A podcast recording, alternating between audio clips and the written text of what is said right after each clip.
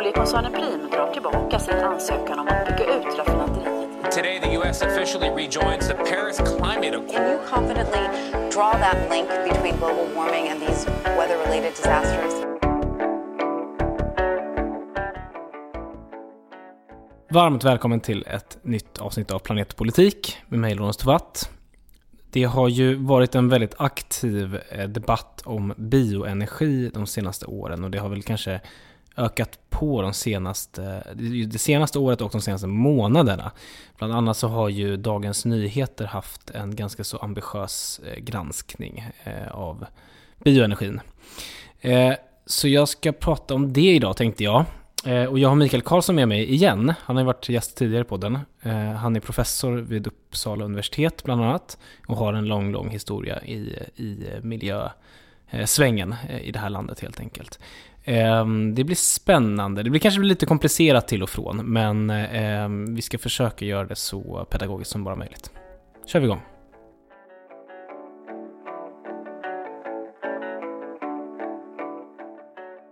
Favoritrepris, Mikael? Vet du vilken podd du är med i den här gången? Nej, Planeten-podden. Nej, oh. inte Planeten. Planet och politik heter den. Ja, just det. fan. Planet och politik. Ja, men det är du, bra. Men du är i alla fall varmt välkommen tillbaka. Ja, tack. Du är den enda gästen som har varit med två gånger i denna podd och dessutom en gång i, då, i min förra podd. Se där. Ja. ja, det är så skoj här så. Ja. ja. Nej, men skälet till att jag bjudit in dig är faktiskt att eh, det har ju varit en sån eh, väldigt aktiv debatt om bioenergi. Ja, herregud. Eh, så, och jag menar, du är ju, dels så forskar ju du på det här eh, och sen har ju du varit med i miljösvängen länge och ju varit ja, men en av de figurerna som har liksom stakat ut positionerna kring bioenergi historiskt sett i mm. Sverige och i miljörörelsen och sådär. Vad, men om vi börjar, vi börjar liksom i fråga, varför har den här debatten uppstått nu i din bild? Ja, varför, varför debatten har kommit eh, och blivit så intensiv i, i, Sverige på senare tid tror jag inte riktigt är klart än. Men det började en debatt ungefär runt 2006-2007, eh, framförallt på EU-nivå eller internationellt, när eh, den här tragiska siffran på att 800 miljoner människor i världen är kroniskt undernärda och den siffran varit likadan under decennier. Den ökade upp till över en miljard. Bland annat på grund av att livsmedelspriserna i världen steg. Ehm, och då drabbades eh, i globala syd många människor som bor i städer. Ehm, samtidigt så fanns det initiativ för att börja producera biodrivmedel eh, till fordon. Och då uppstod en debatt om man skulle ha bröd eller bensin. Eh, och det var eh, olika FN-tjänstemän och ett par forskare som skrev i Foreign Affairs som pekade på det här. Och, och man pekade ut framförallt produktion av vissa biodrivmedel eh, Eh, i Nordamerika, i USA. Eh, och då anklagades biodrivmedlen till fordon eh, ta mat från människor som lever i fattigdom det var ganska tydligt omedelbart att stödet för det var väldigt svagt eftersom en ganska liten del av produktionen på åkermarken i världen går till bioenergi eller biodrivmedel. Det mesta som vi producerar på åkern används ju för att mata eh, djur som producerar framförallt kött. Mm, och då tappar vi ju en väldigt stor del av energi och näring från åkern. Sen används eh, det för många andra ändamål förstås. Så att att, att tillskriva bioenergin, biodrivmedlen och den här effekten på livsmedelspriser var inte korrekt och det klarlades efter några år. Men debatten har funnits kvar sedan dess.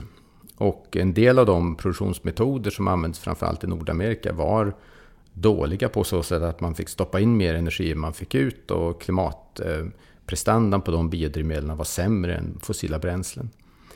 Ehm, sen samtidigt uppstod det en debatt att ehm, ungefär katten på råttan. Alltså om, om man säger då att man använder eh, mark för bioenergiändamål och konsumtionen av allting som kommer från marken. Eh, mat och, och, fibrer och eh, tobak och allt vad det kan vara. Är konstant så kommer man få en indirekt effekt på markanvändningen. Så katten på råttan, råttan på repet och så småningom faller skogen i Amazonas. Och den här indirekta markanvändningseffekten eh, pekar man också ut bioenergin som orsaken till. Och även det tycker jag är ganska perspektivlöst för fortfarande är det en väldigt liten del av eh, markytan som används för bioenergiändamål. Det, det, bara så att man förklarar det. Alltså det som det betyder är att eh, då tänker sig folk att om man odlar raps på svenska åkrar som går som biodrivmedel. Mm. Då hade man istället kunnat odla mat där. Och då hade den maten sluppit importeras från Amazonas. Eh, och då hade mindre träd fallit. Alltså visst är det ungefär så som resonerar? Ja, jag, jag, kan ta ett konkret exempel som jag använde. För jag var ordförande i EEB, då, European Environmental Bureau, som är Europas och världens största miljöorganisation. Och det var mycket debatt. Medlemsorganisationerna tyckte väldigt olika. Jag tog exemplet att om man använder eh, spannmål till eh, bioenergi, man kanske biogas eller någonting sånt, och, eh, eller flytande biodrivmedel och kör, byter ut fossildiesel bussar istället för att producera vodka av det, så är det väl bra flera hållbarhetsperspektiv. ja, just det. Ja, just det. och då fick jag motargumentet att Nej, men du vet vodkakonsumtionen i världen är konstant. Så att om man tar då spannmål som går till vodka eh, och gör bioenergi av det så kommer någon annan att behöva producera det där spannmålet till vodkan och då mm. får man effekter på marginalen som alltid drabbar någonstans och till slut så tar man upp mark i Amazonas. Och på samma sätt så sa man att ja, men, köttkonsumtionen kommer heller inte förändras och Eh, liksom man pekar på den, den, stora del av spannmålen som går till köttkonsumtion. Men det konstiga är ju då att varför ska man tillskriva enbart bioenergi den typen av marginaleffekter?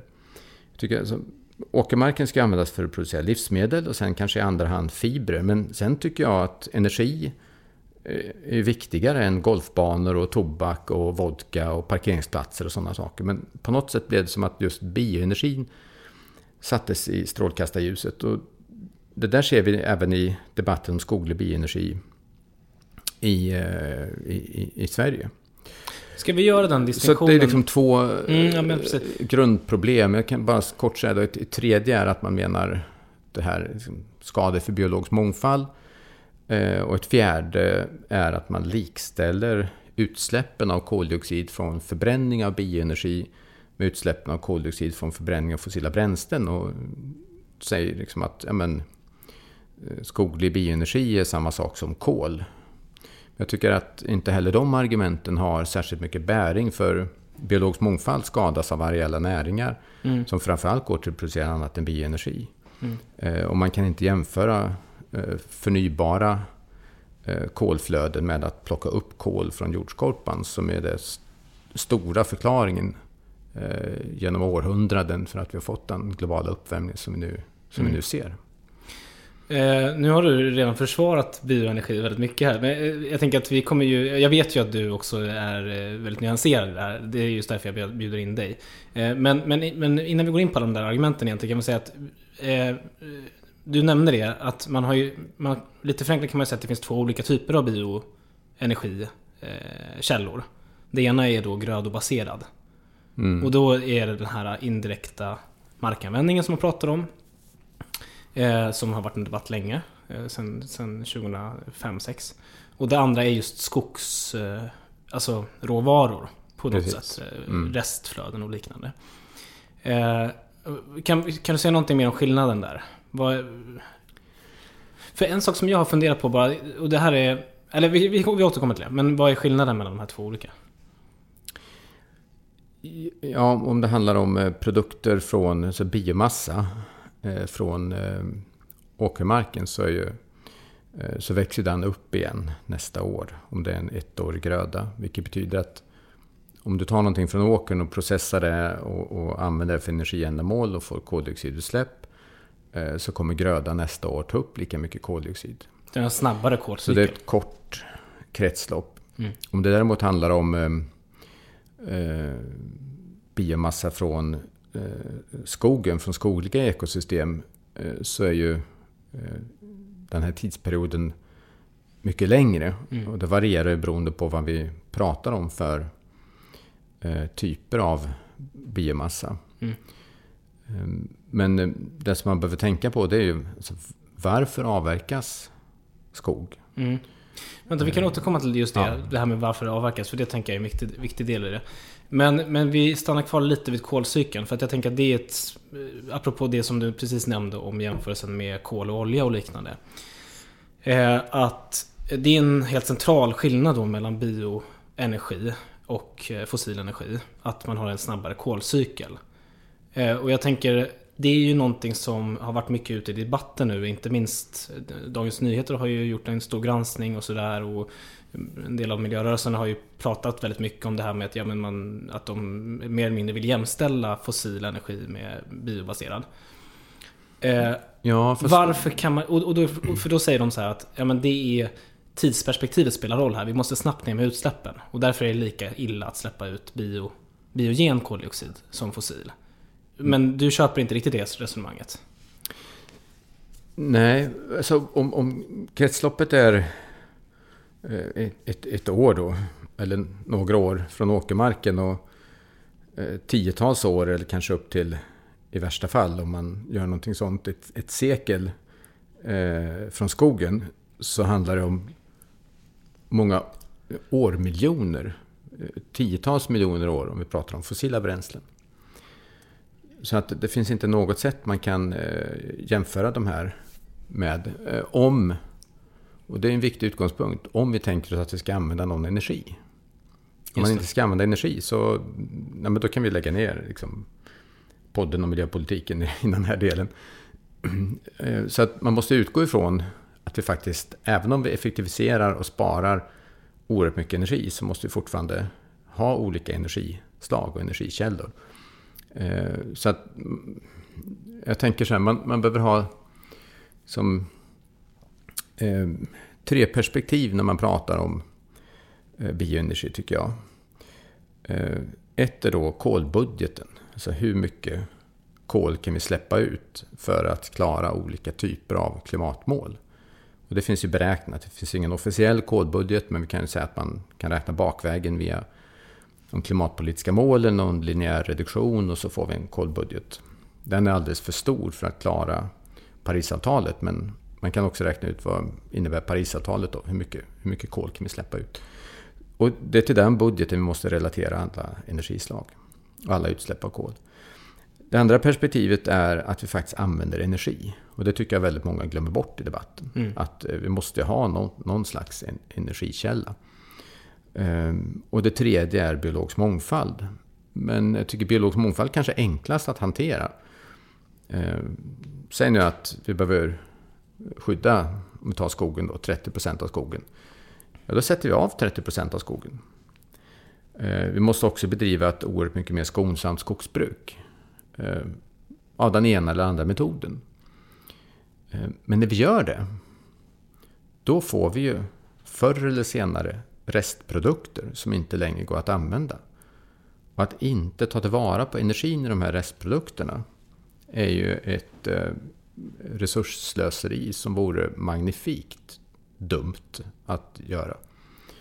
Så de här tre ingångarna tycker jag man måste ha med sig. Och jag skulle vilja säga att det finns en ganska bred enighet om, om det här eh, i forskarsamhället också bland miljöorganisationer, man sitter ner och diskuterar med dem. Och du sa miljörörelsen, men det är så att de, alltså de, de, de stor, del, ja, en liten del av miljörörelsen, för de största miljöorganisationerna eh, som har eh, liksom, tyngst expertis, Naturskyddsföreningen, Världsnaturfonden i Sverige, eh, menar ju att det är bra hushållning att använda bioenergi.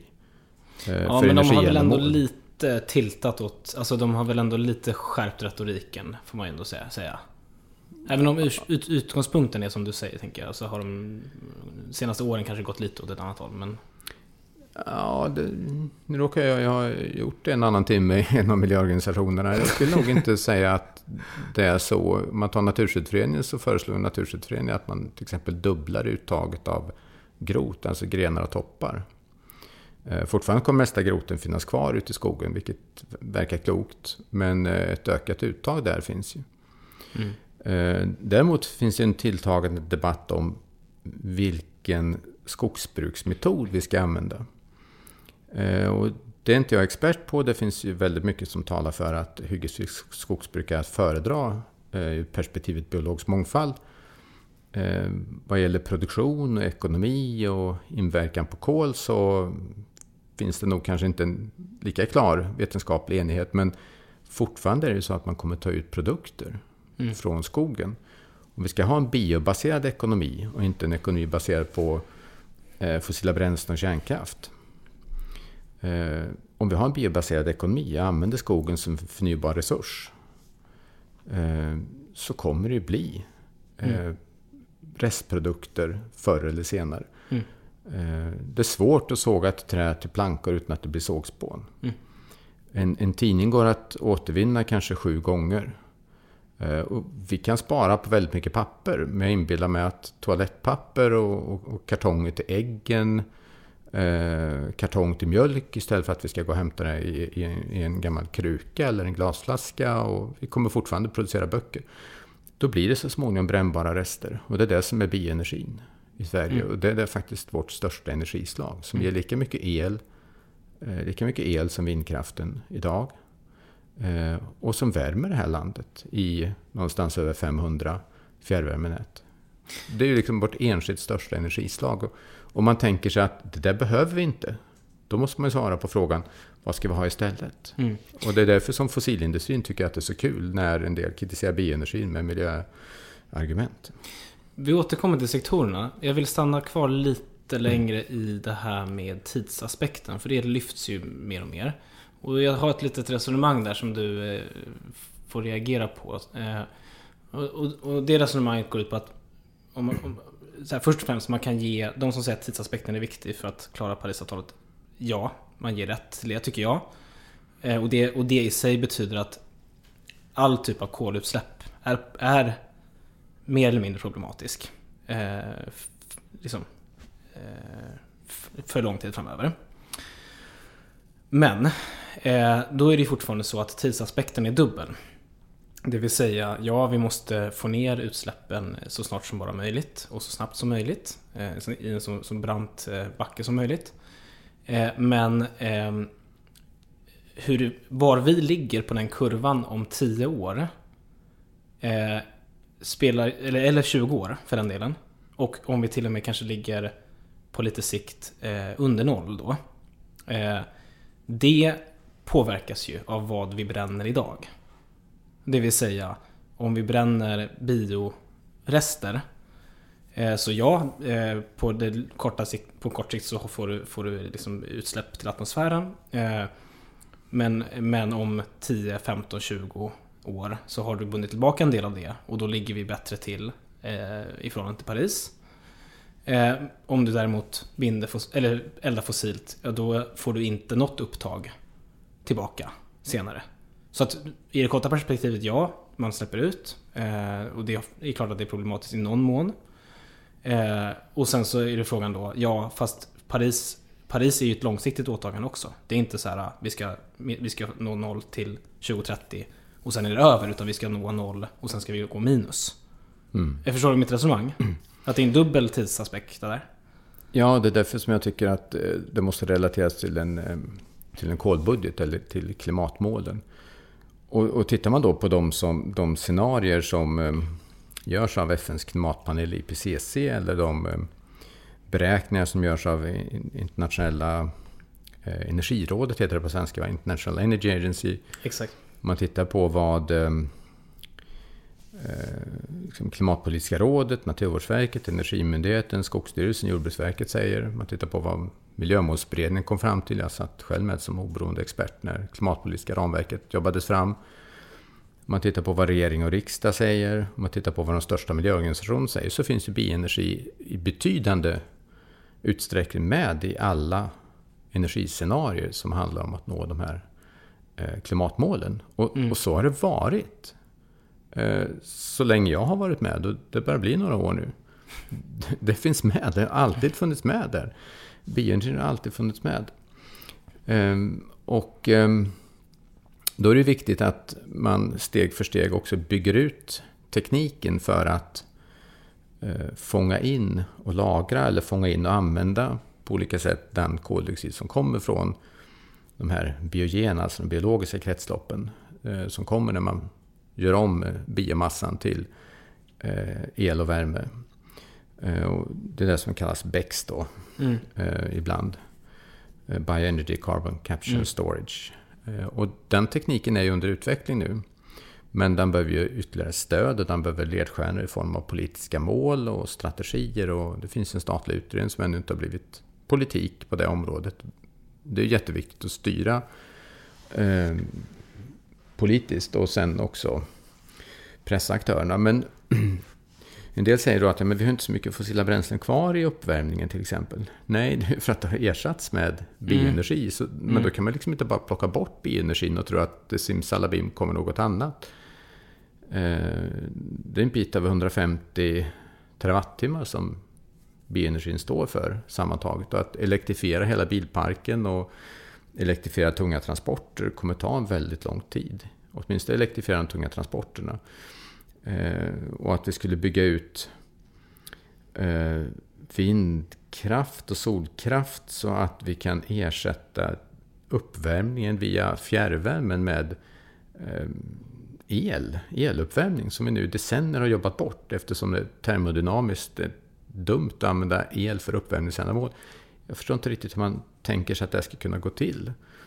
Jag har för sig några idéer om, om det, men vi kan återkomma till det. Mm. Ja, men det kommer ändå ta rätt lång ja, det kommer tid. Det. Alltså, vindkraften ligger inte på mer än en bråkdel av bioenergins mm. totala energi idag om vi tar in uppvärmningen. Ehm, och ehm, om vi ändå ska fånga in koldioxiden eh, i luften så, så kan vi göra det via fotosyntesen och, och, och bioenergin. Mm. Eh, så att man behöver liksom relatera tidsmässiga eh, perspektivet till en, en total eh, kolbudget som jag tycker Sverige borde jobba fram. Och sen borde man tänka att budgeten är egentligen inte ett spenderutrymme utan det som det handlar om under det här århundradet det, det, är en budget som krymper snabbt men sen också ett sparbeting. Att vi ska totalt sett eh, samla in luftens koldioxid. Och, och, vi behöver på sikt sänka halten. Eh, och ju senare vi påbörjar den globala nedgången, alltså ju större sånt här så säga, över, overshoot som vi får, mm. desto snabbare måste vi agera sen och desto större måste det totalt sett totala upptaget bli på, på lång sikt. Och grejen är att bioenergin passar in i de här perspektiven. Men det är fortfarande så här att om man tänker så här, ja men det släpps ut kol när man använder det här och det är inget bra. Ja, men man åstadkommer ju ingen skillnad om man säger nej till bioenergin. För skogsbruket som genererar grenar och toppar på hyggena, det påverkas inte av ett nej till bioenergi. Det kommer ske ändå, på, ja, Skogsbruket påverkas av eh, efterfrågan på produkter. Och om vi tar liksom 90% av det som avverkas blir idag eh, liksom, å ena sidan eh, massa, pappersmassa och papper. Å andra sidan så blir det eh, trävaror av olika slag. Allt ifrån liksom, möbler och plank till, till, till hus och, mm. och sådana saker. Och och, och, så kommer det fortsätta vara. Bioenergin består av de resterna som finns på hyggena, groten till exempel. Och då tror jag att man tar ut idag en sjättedel av groten ungefär. Eh, Naturskyddsföreningen vill som sagt dubbla det uttaget, vilket betyder att fortfarande så är det mesta groten kvar. Och den groten blir ju på något eller ett par decennier eh, koldioxid. Den, släpp, den ligger och jäser? Ja. ja. Och sen då så tar man in eh, eh, biomassa och gör papper eh, och, och, och, massa. Och i den industriella processen så blir det olika former av eh, svartlutar och annat som används för energiändamål i pappersindustrin. Men poängen med att ta ut biomassa ur skogen är ju inte att göra lutar. Nej. Utan poängen är att producera papper. Och vill man minska det flödet då hjälper det inte att säga nej till bioenergi. Det blir inte mindre pappersproduktion om man säger att lutarna ska inte användas, de ska bli miljöfarligt avfall och läggas på någon tipp som förr i tiden och liksom läcka ut i haven eller vad de kan göra. Då, då ska vi styra bort från pappersanvändningen. Och det gör man ju inte genom att säga nej till bioenergi. Det gör man genom en pappersskatt eller något, något annat typ av styrmedel som handlar om konsumtionen. Eh, så de som säger att ja, men liksom, hälften av det som tas ut blir energi. Ja, på sikt blir allt energi om liksom, det inte ligger och multnar på en tipp. Men den tidning som återvunnits sju gånger, eller de fibrer som på andra sätt då är utnötta, är frågan, ska vi, lägga dem på en, ska vi öppna deponier igen och lägga skräpet på soptipp? Och så blir det både koldioxid och metan där. Eller ska vi bränna de här och ta tillvara på energin istället för fossila bränslen? tycker jag självklart att vi ska ta tillvara på det här. Och därför blir det så ironiskt när folk skriver på pappersplakat och nej till bioenergi. så här, ska, vi, ja, okej, ska vi låta det där multna sen till koldioxid istället för att bränna upp det? Jättekonstigt. Jag tänker så här, hur gör de när de ska på toaletten? Du menar att de, vi, de, liksom, de, de, de nej, gå från demonstrationen direkt till ett kraftvärmeverk och lämna in skylten? Nej, men jag förstår liksom inte. Nej, men, man, man, kan ju men, minska men, konsumtionen av papper och kartong och sånt, men vi kan ju inte helt upphöra med att producera böcker och tidningar. Ja, men ta ETC som har haft en fullständigt vetenskapligt helt ogrundad kritik. Det är en tidning. Vad tror du den kommer ifrån? Mm. Men får jag bara säga det då? Den alltså kommer från skogen man, och det, det är man, därför som vi har skogsbruk. Man kan väl ändå ha ingången då, men du var inne på det med pappersskatt och liknande. Man kan ju ändå ha ingången naturligtvis att vi ska minska det totala uttaget av all biomassa från skogen. Och då skulle man ju kunna, och då håller jag med dig om att då är det konstigt att säga Ja, det är bioenergins fel för att det finns ju andra drivkrafter bakom det. Men, men, men, men det är väl ändå en ganska rimlig ingång att säga att men vänta nu här, vi använder för mycket papper. Eh, vi ja, använder... fast, om, fast jag vet inte om jag vill hålla med om att uttaget ska minska från en förnybar resurs. För jag tycker att vi till exempel eh, gör klokt i att... Eh, alltså nu pratade om det här 45% blir det är papper och massa, 45% blir eh, möbler och hus och sånt. Och det, det är en väldigt bra användning att vi använder trä för att bygga istället för att vi använder Ja men bygga är ju en sak, men cement papper. Och, och, och, sånt. Men återigen då, ska vi styra från papper till eh, möbler och hus, där vi lagrar kolet längre tid. Mm. Eh, då krävs det ju, det är återigen så ett, ett nej till bioenergi Nej, men det förändrar det inte det där, utan då måste vi ha nya byggnormer. Bygg med det tränormen. Mm. Och det är en uppgift för dig och andra i riksdagen. Vi måste förändra attityder bland byggare, arkitekter och de som beställer och sådana saker. Det är liksom... Men det köper jag helt. Men, men, så det kanske gör, menar jag, att vi kanske behöver ta ut mer biomassa. Vi, vi sätter undan 30% för biologisk mångfald. Vi bedriver ett mer liksom, hållbart skogsbruk utifrån perspektivet biologisk mångfald. Men fortfarande så ökar ju biomassan i skogen. Den har ju fördubblats under ett sekel och vi kommer säkert få mer biomassa i skogen. Men det... min, min, min, min poäng är, man skulle ju kunna ha argumenterat till exempel vi, vi, vi, sätter, ja, vi skyddar mer skog till exempel. Och sen så vill vi bli av med en del papper. Mm. Eh, och sen så tar vi ut den vinsten i form av att vi låter träden stå längre till exempel. Vi låter, dem, eh, vi låter det växa till sig ännu mer och, och, och ju, om de kan stå lite längre så kan de binda mer koldioxid under den tiden de står. Ja, eh, och fast... det är också bra för den biologiska mångfalden. Jag menar, man kan fortfarande ha perspektivet att det totala uttaget inte ska växa. Men sen så ska vi använda det vi väl tar ut på ett mer effektivt sätt och vi ska ändra mm. bruksmetoderna och liknande. Ja, det är en viktig diskussion, men det är ganska mycket som kräver väldigt mycket energi i form av eh, Liksom stål och cement och sånt som jag tycker vi gör rätt i att eh, använda. Biomassan i skogen eh, fortsätter öka. Och låter vi den stå, alltså det här resonemanget förutsätter att vi skyddar biologisk mångfald. Och då pekar forskningen på att 30% behöver vi skydda. Det är otroligt mycket mer än idag. Då pratar vi också om den produktiva skogsmarken. Vi bara skyddat en bråkdel av detta. För det är där de hotade arterna framförallt finns.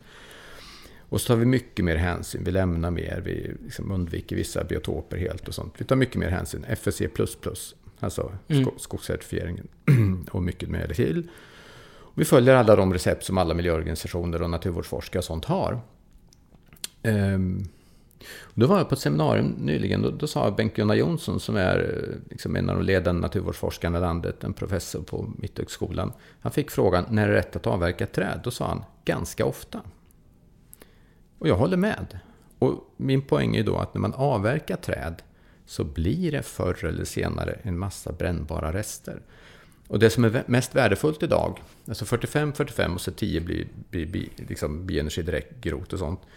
Eh, men de, det som är mest värde i, om vi tittar inte liksom på volymen som tas ut, utan eh, produktionsvärdet och så småningom förädlingsvärdet, då är det mest värdefulla det är att använda det för byggändamål. Och sen Mm. kommer pappersmassa.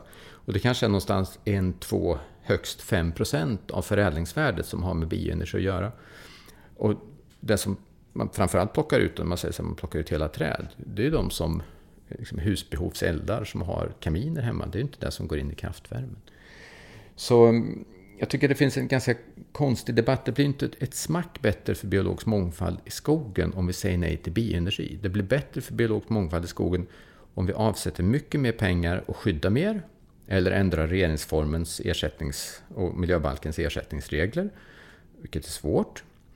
Eh, Och det blir bättre om vi tar större hänsyn i skogsbruket. Men även om vi går över till hyggesfria metoder eh, så kommer det fortfarande plockas ut någonting och då blir det brännbara rester och det är de vi ska ta tillvara på som, som, som bioenergi menar jag. Och vi kommer, även om vi minskar papperskonsumtionen så kommer vi fortsätta producera böcker och vi kommer fortsätta producera tidningar. Och vi kommer fortsätta, alltså kartonger är ju ganska bra till exempel när vi, för att minska matsvinnet så använder vi eh, kartonger i livsmedelsbutiken. En del undrar så här, varför är det så mycket kartong runt? Det är bättre att använda kartong än fossilbaserad plast. Eh, Men det är ju för att vi inte ska krossa äggen och tomaterna och, och sådana saker. Vi har kartong runt mjölk och yoghurt och sånt för att vi inte vill använda glas eh, och hålla på med det systemet som är energikrävande. Så, så, så länge vi har sådana saker så blir det brännbara rester. Och då är... Och jag, och jag håller verkligen med dig. Att, att då rikta udden mot bioenergi blir ju bara kontraproduktivt eftersom det är andra saker. Och det låter ju så här fjuttigt med de här brännbara resterna, men min poäng är, eller min poäng, det är liksom statistiken visar att det här utgör Sveriges idag enskilt största energislag. Det är lika mycket el eh, som, som vindkraften. Gör det det? Jag är inte säker på att det gör det fortfarande. Jo, det kanske det gör. 15-20 terawattimmar, någonting sånt där. Ger det, väl. det beror på hur mycket man Ja. tar ut. Ja, Och sen har vi uppemot vad är det, 150-160 terawattimmar totalt. Vindkraften står in, för, ja, 140 tror jag. Ja, precis. ja, nå- 140. Och sen importeras en del också. Men vi, jag tänker vi ska gå in på det lite sektorer. Jag tänkte jag ska dra lite bakgrund här. För att eh, i debatten som har uppstått nu så har, tycker jag då, det har blivit väldigt, väldigt fel när alla har riktat sina blickar mot transportsektorn. Eh, och så har man liksom helt enkelt liksom missat var bioenergin används i Sverige.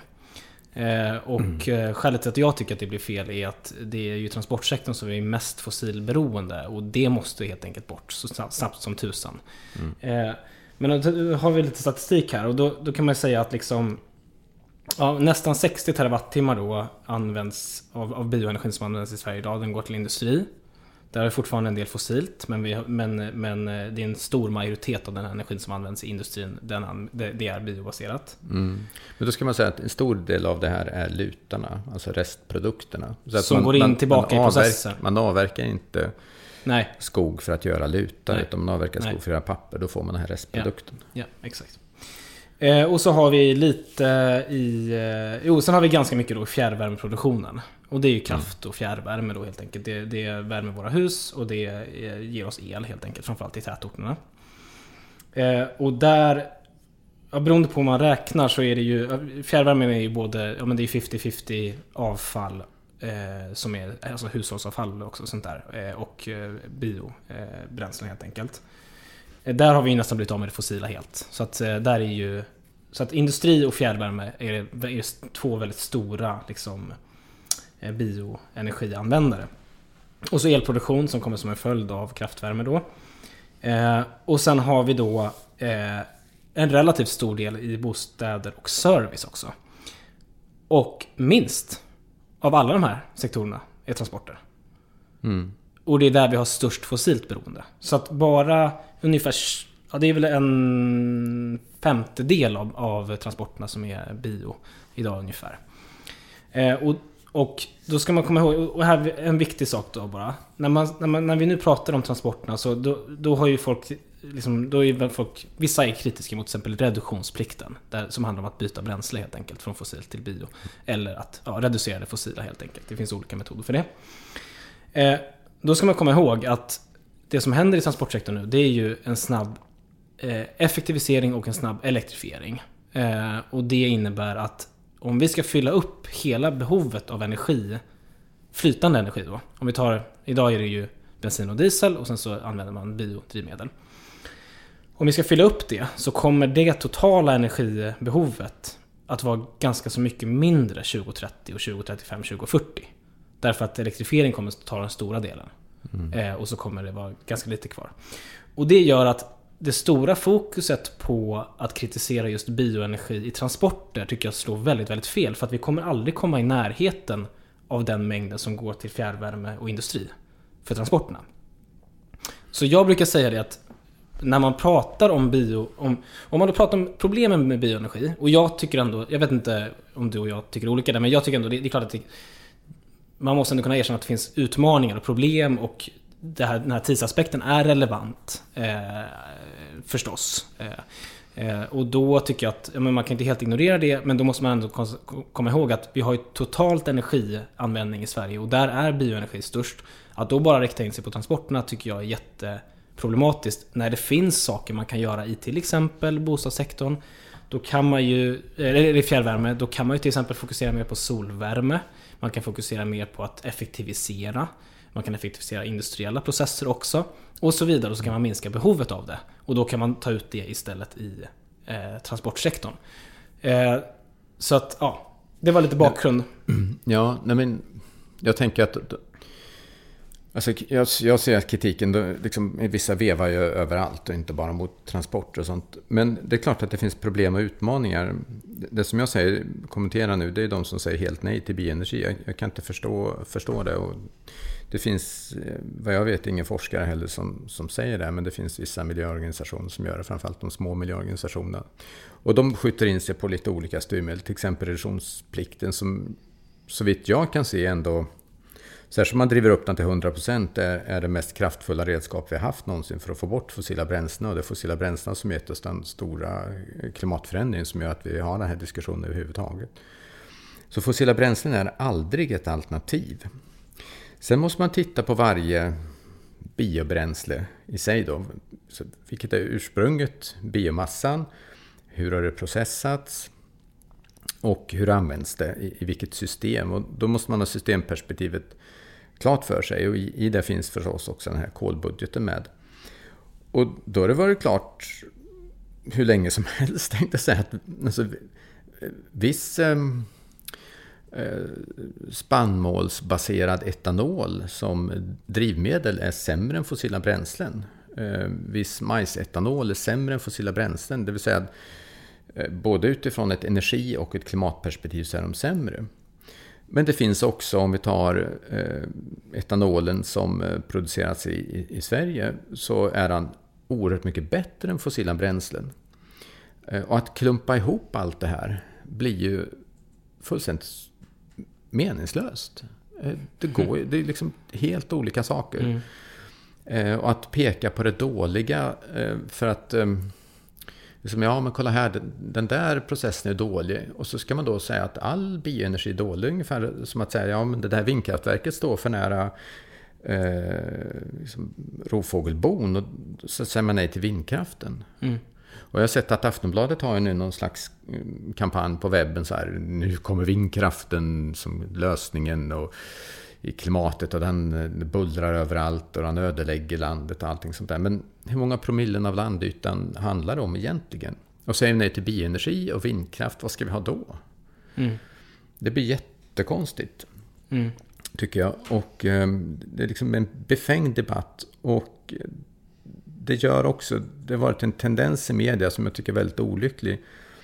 Att försöka dela in eh, i olika läger. Jag blev själv placerad i mittlägret då bland forskarna. Så fanns det de som liksom var bioenergikritiker och de som var bioenergiförespråkare. Men nu är jag liksom ändå umgås med de som håller på och forskar på det här, som har gjort det betydligt längre och mer än vad jag har gjort och som ägnat sina liv åt det. Jag vet ingen av dem som säger nej till all bioenergi. Jag vet ingen av dem som säger ja till all bioenergi. Utan alla säger med gott vetenskapligt stöd att det beror på. Och då blir det en uppgift ja, för forskare att föreslå, men framförallt för politiker att besluta om styrmedel som skiljer agnarna från vetet, som gör att vi kan använda bra bioenergi eh, och, och, att vi styr bort från dålig bioenergi. Då finns det ju regelverk inom EU framförallt, eh, som, som sen då liksom implementeras i, i Sverige. de kan man säkert behöva vässa en hel del. Och ska vi diskutera kol och kolflöden och tidsperspektiv, då måste vi ha en, eh, en kolbudget som jag tycker man behöver jobba fram som ett, som ett mål. Men om vi däremot ska prata om biologisk mångfald, då är det helt andra saker som vi behöver göra. Då ska vi skydda mycket mer mark mm. och det gör vi mycket mer än någonsin. Eh, och anslagen är högre än vad någonsin har varit. Vi har ju mm. aldrig haft en så bra naturvårdspolitik i, i svensk historia som, eh, som nu. Eh, och sen måste vi ändra skogsvårdslagen. Mm. Eh, eftersom det är den som styr. Eh, så att vi inte har så att inte liksom, frihet under ansvar som är parollen för skogsbruket eh, kan, kan liksom gå för långt. Och vill vi använda kvaliteten i biomassan eh, i, i många, liksom plocka ut den i många små steg, det som man ibland kallar kaskadprincipen. Alltså först bygger du huset och när huset inte funkar längre så gör du liksom restprodukter av eh, det, det som blir kvar och, och sen så småningom så får du en brännbar rest. Alltså vi plockar ut det här i små steg. Eh, då behöver vi styrmedel för sådana saker. Och, och, då kan man tänka sig att byggnormer driver mer biomassa till, till byggandet och en pappersskatt eller vad man nu tänker sig. Det är ju lite som att svära i kyrkan för skogsindustrierna att prata om pappersskatt. Men då är det sådana styrmedel man behöver ha. Och där tycker jag att bioenergikritikerna Dels när man liksom fuskar med det vetenskapliga underlaget, då, då bedriver man samma typ av vetenskapsförnekelse som klimatförnekarna gör faktiskt. När man plockar russinen i kakan och, och, sånt. Fast med helt andra syften. Hårda ord här. Ja. ja Inte med lika jag, grumliga syften, men ja, precis. Nej, men jag tycker faktiskt att... Och det är så lätt att skjuta hål på det också. Och därför blir det ineffektivt. Men det som stör mig ännu mer, det är ju att när man använder... Alltså från från skogsindustriellt håll försöker man använda klimatet som argument för att få bedriva ett mer intensivt skogsbruk. Eh, och, och, sen så försöker man liksom på någon annan sida då använda klimatet som argument för att skydda biologisk mångfald. Och då devalverar man värdet av biologisk mångfald. Mm. Ungefär som att biologisk mångfald inte är värt att slå vakt om för dess egen skull. Mm, mm, mm utan med mm. något slags fejkat, som liksom så här, vi har en klimatkrycka som vi ska stoppa in under den biologiska mångfalden så den ska hanka sig fram. Jag tycker biologisk mångfald är ett värde i sig. Eh, slår också miljöbalken fast. Det finns liksom inneboende värden i naturen. Eh, och de ska vi värna. Och då visar ju forskningen att vi behöver skydda väldigt mycket mer och bedriva ett liksom, mer skonsamt skogsbruk. Eh, men sen finns det ju en, en, en stor eh, förnybar resurs kvar Mm. Eh, att använda som grund i bioekonomin. Och när vi använder den så blir det restprodukt de ska vi ta tillvara på för mm. energiändamål. Och det värmer Sverige och ger oss en massa el. Mm. Och jag är väldigt svårt att se något fel med det. Vi har ju eh, faktiskt en eh, definition som vi har tagit, Miljöpartiet, okay. eh, av vad som då skulle kunna vara, anses, anses vara hållbart producerad bioenergi. Mm. Eh, så jag ska köra den nu. Så får du... Ja, kör. Eh, Okej, okay, så... Får, får muta mig om jag... Nej. Precis. Kör på. Jag, jag kommer muta dig som en jävla diktator om du... Mm. Gör det. Eh, A. Kolförråden i svensk mark och växtlighet ska öka varje år och vid avverkning och skörd ska särskild hänsyn tas till biomassans förmåga att snabbt binda tillbaka kol. B. Produktionen innebär bevarad eller stärkt biologisk mångfald och andra ekosystemtjänster samt bevarade sociala värden och en levande landsbygd med jordbruk och livsmedelsproduktion i hela landet. C. Skogsbruksmetoder som ger stora utsläpp från mark ska inte användas. Som intensiva skogsbruksmetoder och eh, skogsgödsling. D. Eh, fossila bränslen fasas ut från utvinning av, transport av eller omvandling av biomassan. E. Hänsyn ska tas till ursprungsbefolkning, lokalbefolkning och till skogens kulturvärden och miljöpåverkan i andra länder. Och F. Goda arbetsvillkor ska säkerställas. Eh, vi har ju försökt få med allt där egentligen. Jag förstår att så här, det, här ja. det beror ju på hur man implementerar naturligtvis och vad man lägger i orden. Men det är, en ganska, det är ändå ganska... Om, det är inte mycket av det som produceras idag som kanske ändå bockar i alla de kraven. Men jag tänker, devils in the details. Eh, djävulen finns i detaljerna. Första punkten där, eh, alltså det, kolet ska, åt, ska, ska snabbt, stod det va? Ska snabbt binda, återbindas. Så då är frågan, vad är, vad är snabbt? Där. Och, Jag tror det vi menar med den är att liksom omloppstid, det är en fördel om omloppstiderna i skogen kan öka totalt sett. Mm. Alltså att man ska styra det mot att liksom... Ja, ja. Och då är frågan vad, vad, vad, man sätter för gräns där. Och jag menar återigen då att det här måste relatera till en, en, eh, en kolbudget. Och då måste man också titta på de andra energislagen och vad de har för klimatpåverkan mm. och hur snabbt de kan komma fram. Om, om man kan knäppa fingrarna och så har vi liksom solel och solvärme som räcker för alla industriella behov och alla mm. uppvärmningsbehov i Sverige. Ja, då kan vi använda skogen till helt andra saker. Som kan man tänka på ett helt annat sätt kanske. Ehm, men även då skulle vi få brännbara rester över förr eller senare. Så att man måste liksom titta på det här i ett systemperspektiv. Och den där, det där ordet snabbt.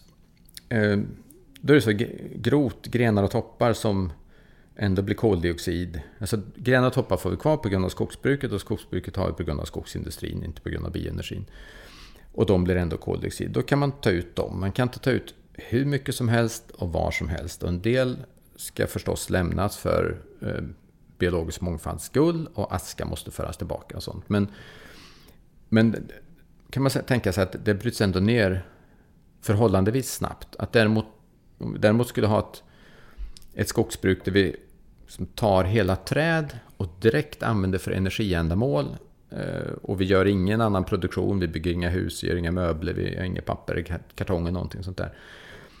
Eh, och så lägger vi till att vi liksom inte skulle låta skogen växa upp igen. Eh, då är det klart, då blir bioenergi katastrofalt dåligt. Mm. Om bioenergi är drivkraft och vi inte återplanterar skog. Då, så återigen, men, men, allt beror ju på här. Och, och det är ju en fråga om reglering. Men, men, för det var ju ändå ett problem. Eller det var ju en av de granskningar som Dagens Nyheter mm. kom med. Att eh, om det var Litauen som hade, eller Estland kanske det var. Som hade just eh, den metoden. Att de avverkade och så gjorde de pellets av det direkt. Som sen ska eldas i svenska kraftvärmeverk. Och det är ju inte bra. Jag försöker ändå... alltså, och, ja, och, och menar, man sa också att en del... Nej men det är klart, framförallt det, det som i, i, i Sverige framförallt är... Mm, liksom, där man tar, tar direkt liksom, hela, hela träd. Eh, sånt som kan bli vid slutavverkning eller som kanske kommer från gallring. Och sånt. Det är husbehovs... Eh, av ved, ungefär 9 terawattimmar tror jag, som går, går direkt. Eh, och det är människor som, som använder sin egen skog för att värma sina hus. Ehm, så om man tycker att det här med Liksom menar, att, man, att vi inte ska använda restprodukter utan man, man ska liksom stoppa helträd. Så, ja, då ska man sikta in sig på, på det flödet. Vad som sker i, i, i Baltikum och skogarna är säkert på många sätt problematiskt. Det har det varit sedan Sovjet föll och stora områden som till exempel längs eh, kusterna som hyste hög biologisk mångfald för att det var tillträdesförbud av militära, militära motiv Eh, där började man redan på 90-talet gå in och liksom göra om markanvändningen ganska mycket.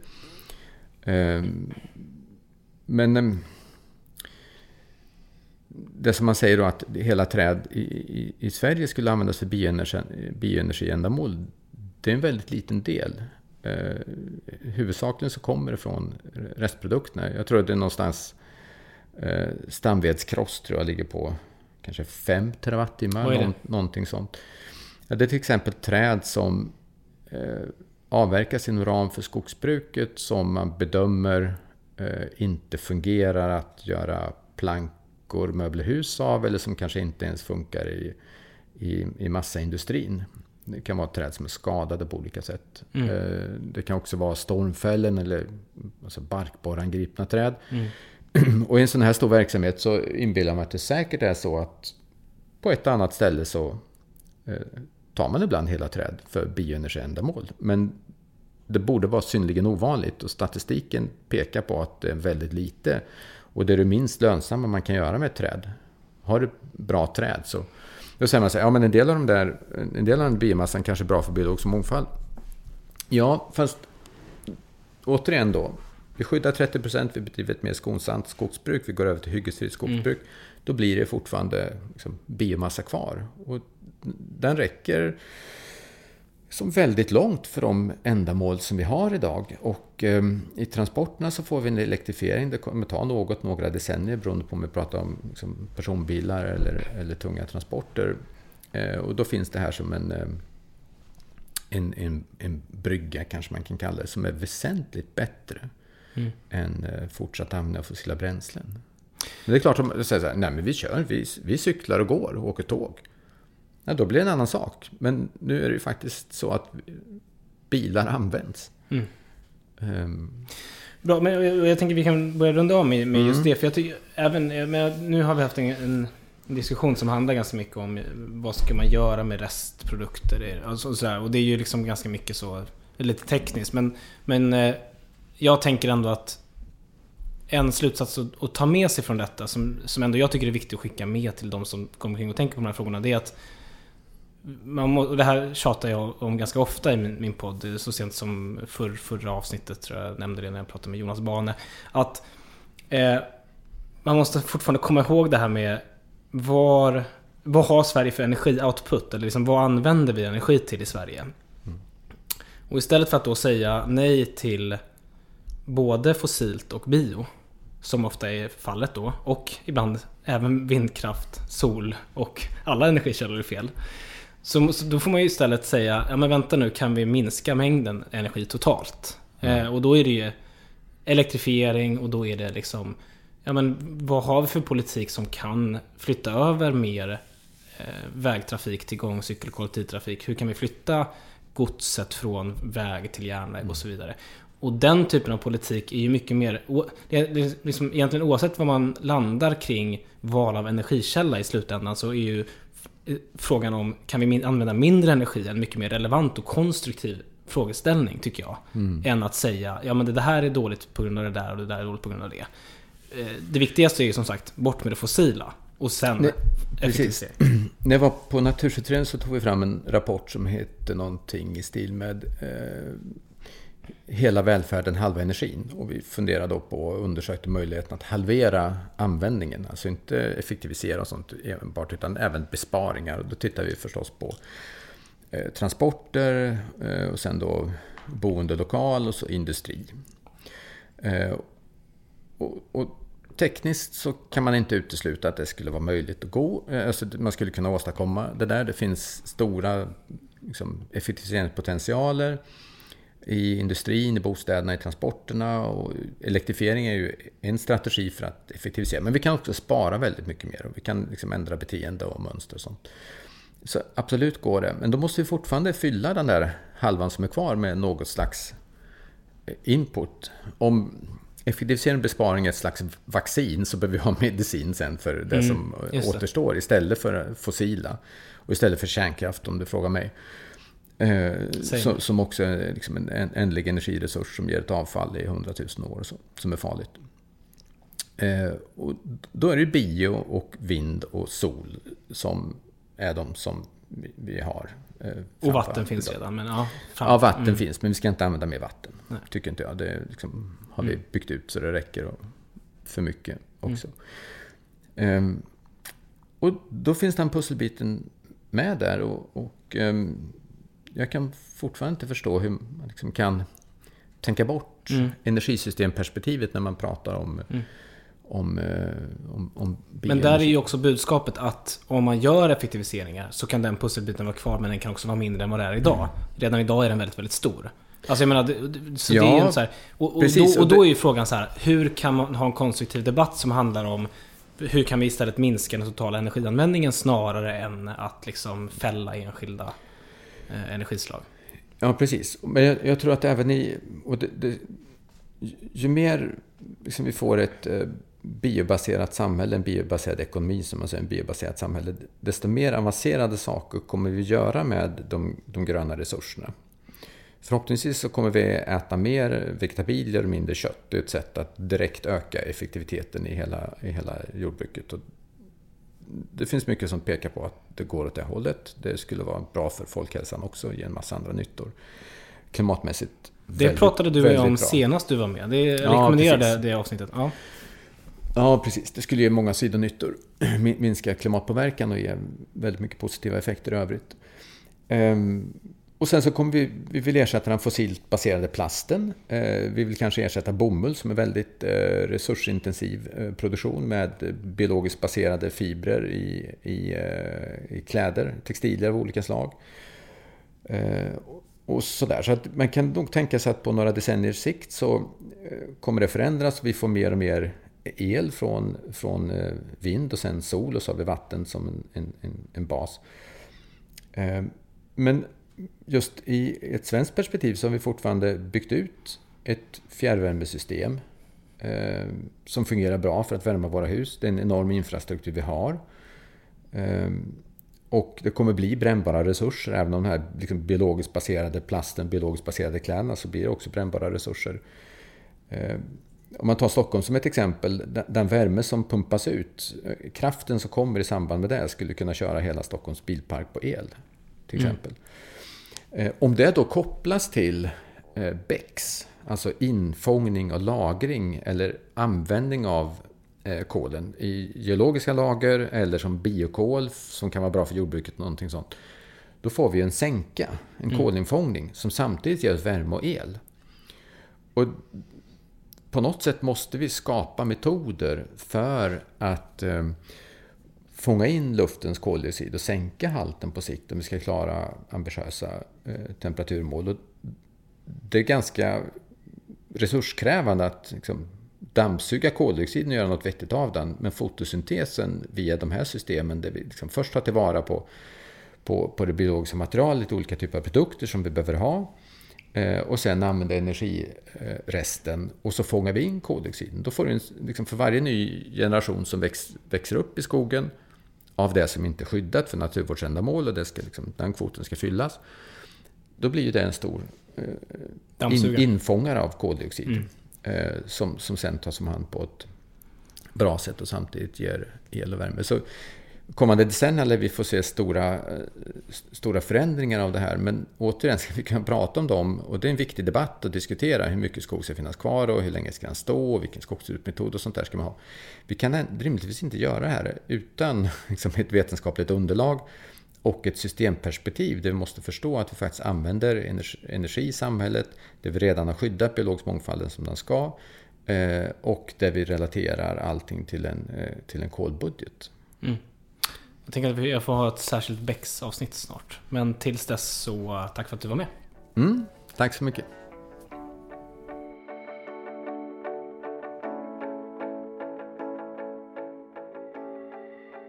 Vad kul att du lyssnar på den här podden. Eh, Den är slut för den här veckan.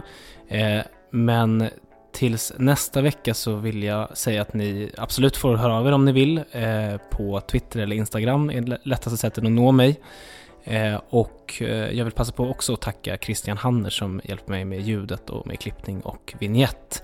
Eh, och vi hörs igen om en vecka helt enkelt.